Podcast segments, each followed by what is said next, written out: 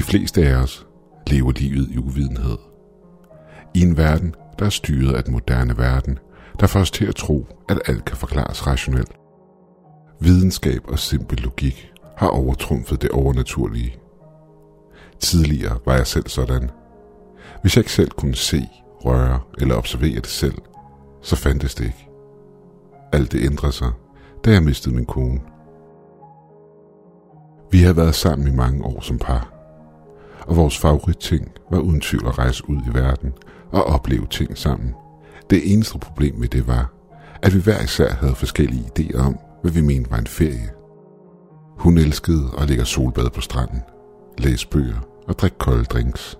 Alt imens hun slappede af og glemte alt om den triste grå hverdag derhjemme. Hvorimod jeg var en kæmpe historienørd. Jeg elskede at besøge historiske steder og gå i fodsporene på de mennesker, der havde levet tusindvis af år før os.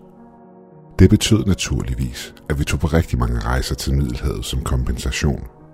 Italien, Grækenland, Spanien og Ægypten, bare for at nævne nogen. Pandemien satte dog en stopper for vores planer i flere måneder frem. I det vi gik i lockdown og konstant arbejdede hjemmefra, blev ideen om at slippe væk hjemmefra mere og mere tiltalende. Desværre var der ingen steder i Europa, vi kunne rejse til på det tidspunkt, da Europa havde lukket alle deres grænser for amerikanere. Heldigvis fandt vi et sted, der var åben for os, nemlig Mexico. Jo mere vi undersøgte, jo mere perfekt begyndte det at lyde. Endeløse strande, resorts, og hvis vi valgte den rigtige region, kunne vi tage på daglange ture til Maya-ruinerne. Vi ville begge få, hvad vi søgte, plus det, at vi ville komme lidt ud af huset for en tid. Jeg bookede flybilletterne og hotellet, og efter et par uger var vi i gang med at pakke og gøre os klar til vores ferie. Flyturen gik gnidningsfrit, og det samme gjorde de første par dage. Jeg havde at skulle indrømme det, men konen havde en pointe. Det var rart bare at ligge og flyde på stranden, uden at skulle bekymre sig om noget som helst. Hotellet vi boede på var dejligt, i det alt vores mad og drikke var inkluderet. Når man tænker på, hvor meget verden havde ændret sig de sidste par måneder, var det rart bare at komme lidt væk fra det hele. Dagen for vores guidede tur oprandt et par dage før vi skulle flyve hjem. En bus samlede os op på et bestemt tidspunkt på et forudbestemt sted sammen med 10 andre turister. Vores guide Miguel fremlagde vores schema for dagen, i det bussen begyndte at køre. Til at starte med vil vi blive kørt til de elgamle Maya-ruiner ved Chichen Itza, efterfulgt af en frokost på en lokal restaurant. Efter frokosten vil vi gøre et kort stop for at svømme i en cenote, hvilket er et ferskvandshul, der er eksponeret grundvandet. Og efter det vil vi blive taget tilbage til hotellet. Jeg fandt det at gå rundt i ruinerne af Chichen Itza meget interessant. Miguel tog sig alt på en guided tur af stedet og forklarede livligt, hvordan de gamle Maya havde levet. Han gik i dybden med deres guder. Som for eksempel Itzam, der virkede til at være gudernes overhoved. Han fortalte om regnguden Chak og Etzua, guden for menneskelig offring. Selvom hun ikke var så interesseret som mig, så kunne jeg se, at min kone fækkede en interesse for det for min skyld. Jeg kunne se, at hun så frem til at bade i genoteen, i det det var mere i linje med, hvad hun nød. Plus det, at det selvfølgelig ville give hende nogle fede billeder, hun kunne smide op på Instagram. Da vi var færdige med vores rundtur i Chichen Itza, og vi havde spist vores frokost, tog vores bus os ud til Chinoteen. Jeg må indrømme, det var meget idyllisk. Lyset, der kom fra toppen af synkhullet, gav vandet en ekstraordinær blå farve. Kalkstenene, der omgav synkhullet, gav det hele en mere surrealistisk form. Miguel annoncerede, at vi havde en time i stedet, hvilket var mere end nok til at svømme rundt og tage en masse billeder. Da tiden var gået, kaldte Miguel os alle tilbage, og det var tid til at komme tilbage til hotellet. Af alle turisterne var mig og min kone svømmet længst væk fra stien, hvor man kom i vandet fra. Vi ventede kort på, at alle de andre turister var kommet op af vandet og var på vej væk, før vi svømmede over til stien, imens vi svømmede om kap for sjov.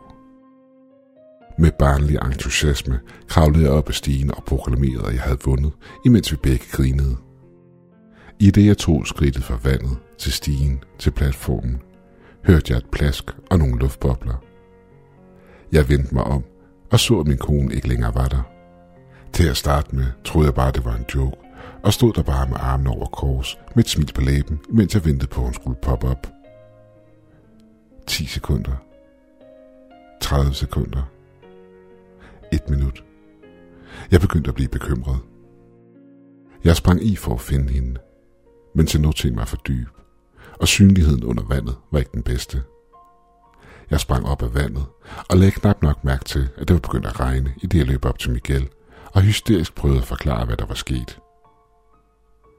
Kort efter blev de meksikanske myndigheder tilkaldt og mødte op med dykkerudstyr. Til min frustration tog de så god tid, da det ifølge dem efter alt at dømme med henblik på al den tid, der var gået, nu ikke var tale om en redningsaktion, men til vejebringelse af en krop. De brugte, hvad der mest af alt mindede om flere timer til at dykke rundt i cenoteen, men uden held. Der var intet spor af hende. De så mest af alt ud til at ville give op og pakke sammen. Jeg bønfaldt dem hysterisk. Jeg kendte ikke et ord spansk, og de kunne næsten ikke noget engelsk. Så det meste af vores interaktion foregik igennem gæld i det jeg sang til jorden og tårne frik fedt løb, kom en officer hen til mig og klappede mig på skulderen. Jeg så op på ham. Han var en ældre mand, omkring de 60, og sikkert tæt på sin pension. Han havde et udtryk af medlidenhed i sit ansigt. Beklager, Miho, sagde han. De gamle guder. De tager fra tid til anden nogen.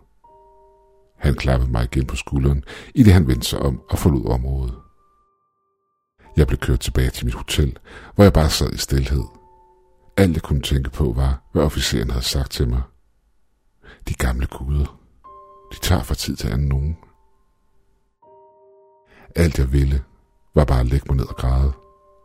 For 12 timer siden havde jeg haft en kone, og nu var jeg helt alene. Jeg kunne ikke bare ligge der og give op. Jeg følte, at jeg måtte gøre noget. Bare et eller andet. Jeg åbnede min bærbare og begyndte at grave igennem alle de informationer, jeg kunne komme i nærheden af, der omhandlede cenotes og mayaerne i denne specifikke region af Mexico. Alt, der havde den mindste relation til det, læste jeg op på. Jeg fandt ud af, at der inden for en passende afstand af hotellet, jeg boede på, var et område, hvor der boede folk, der stadig fulgte majernes tro og traditioner, som deres forfædre havde gjort. Så snart solen stod op, lejede jeg en bil og kørte i retning af området. Omkring en time ind i turen stoppede vejen med at være asfalteret, og den skiftede over til at være en grusvej. Jeg stoppede ved hver en landsby, jeg kunne, og prøvede at snakke med alle dem, jeg mødte langs vejen – jeg bønfaldt mig om at hjælpe mig. Desværre for mig var det et område, hvor engelsk ikke var særlig udbredt. Jeg brugte håndtegn og alle mulige andre former for kommunikation, jeg overhovedet kunne komme i nærheden af. Men intet af det virkede for mig. Efter hvad der virkede som timer, hvor jeg havde prøvet at kommunikere med de lokale majaer, var jeg klar til at falde ned på mine knæ og give op. Ligesom jeg havde gjort det til. Efter at have siddet der et kort øjeblik, gik en kvinde forbi jeg hører, du snakker med andre, sagde hun. Jeg var forbløffet. Det var tydeligvis engelsk, men meget gebrokken. Men det var det meste, jeg havde hørt i området i meget lang tid. Uden tøven begyndte jeg at forklare, hvad der var sket med min kone. Hun lyttede, og hun forstod nok kun en tredjedel af det. Men hendes øjne blev store, da jeg nævnte cenoteen. Guden Chak, meget magtfuld, bor på bunden af Cenote. Hvem svarede jeg tilbage? Chuck. Guden for. Hun ledte efter ordet. Hun pegede på himlen og lavede en gestus med hendes fingre, der faldt ned. Regn udbrød jeg. Sig, ja, regn, svarede hun tilbage. I gamle dage, inden Spanien, vores folk skubbede piger i cenoten for Jack. Han gav os regn. Det gav mening. De gamle mayaer plejede at ofre unge piger i cenoten over hele Yucatan-halvøen. Cenotes, ligesom dem vi havde svømmet i den dag hun forsvandt. Jeg smed 100 dollars til kvinden uden at sige et ord og satte mig ind i bilen igen. Jeg kørte hele vejen tilbage af grusvejen, forbi turistområdet, hvor hotellet lå, og hele vejen tilbage til cenoten. Der var ingen turister at se. Guiderne ville højst sandsynligt ikke risikere, at der skulle ske noget så kort tid efter, at min kone var forsvundet. Jeg så ud over vandet. inden jeg begyndte at tale til vandet, imens jeg følte mig som en idiot, der ikke vidste, hvad jeg ellers skulle gøre. Jeg græd og bønfaldte Chuck. Men da der ikke skete noget, gav jeg ham til sidst et løfte. I samme øjeblik ordene havde forladt min mund, begyndte vandet foran mig at boble, og min kone brød gennem overfladen. Hun lignede sig selv, og intet ved hende var forandret. Jeg hjalp hende op af chinotjen og krammede hende hårdere, end jeg nogensinde har gjort før.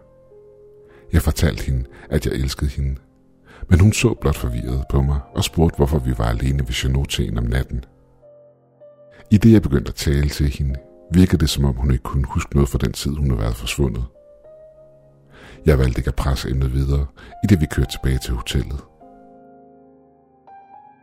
Vi havde kun en dag tilbage af ferien efter alt det, og jeg lå hende nyde hvert et øjeblik af det. Vi slappede af på stranden, og mit hjerte sank hver gang hun nærmede sig vandet. Heldigvis skete der ingenting. Vi fløj hjem igen den næste dag uden problemer. Og et par måneder senere var jeg i ekstase, da hun fortalte mig, at vi ventede vores første barn. Forleden dag fandt jeg ud af noget, der tog alt glæden ud af det igen. Noget, der gjorde mig nervøs og bange. Noget, der mindede mig om det løfte, jeg havde givet Chuck, i det jeg havde knælet ned ved vandet i snotæen og bønfaldt ham for min kones liv. Det viser sig, at vi venter os en pige –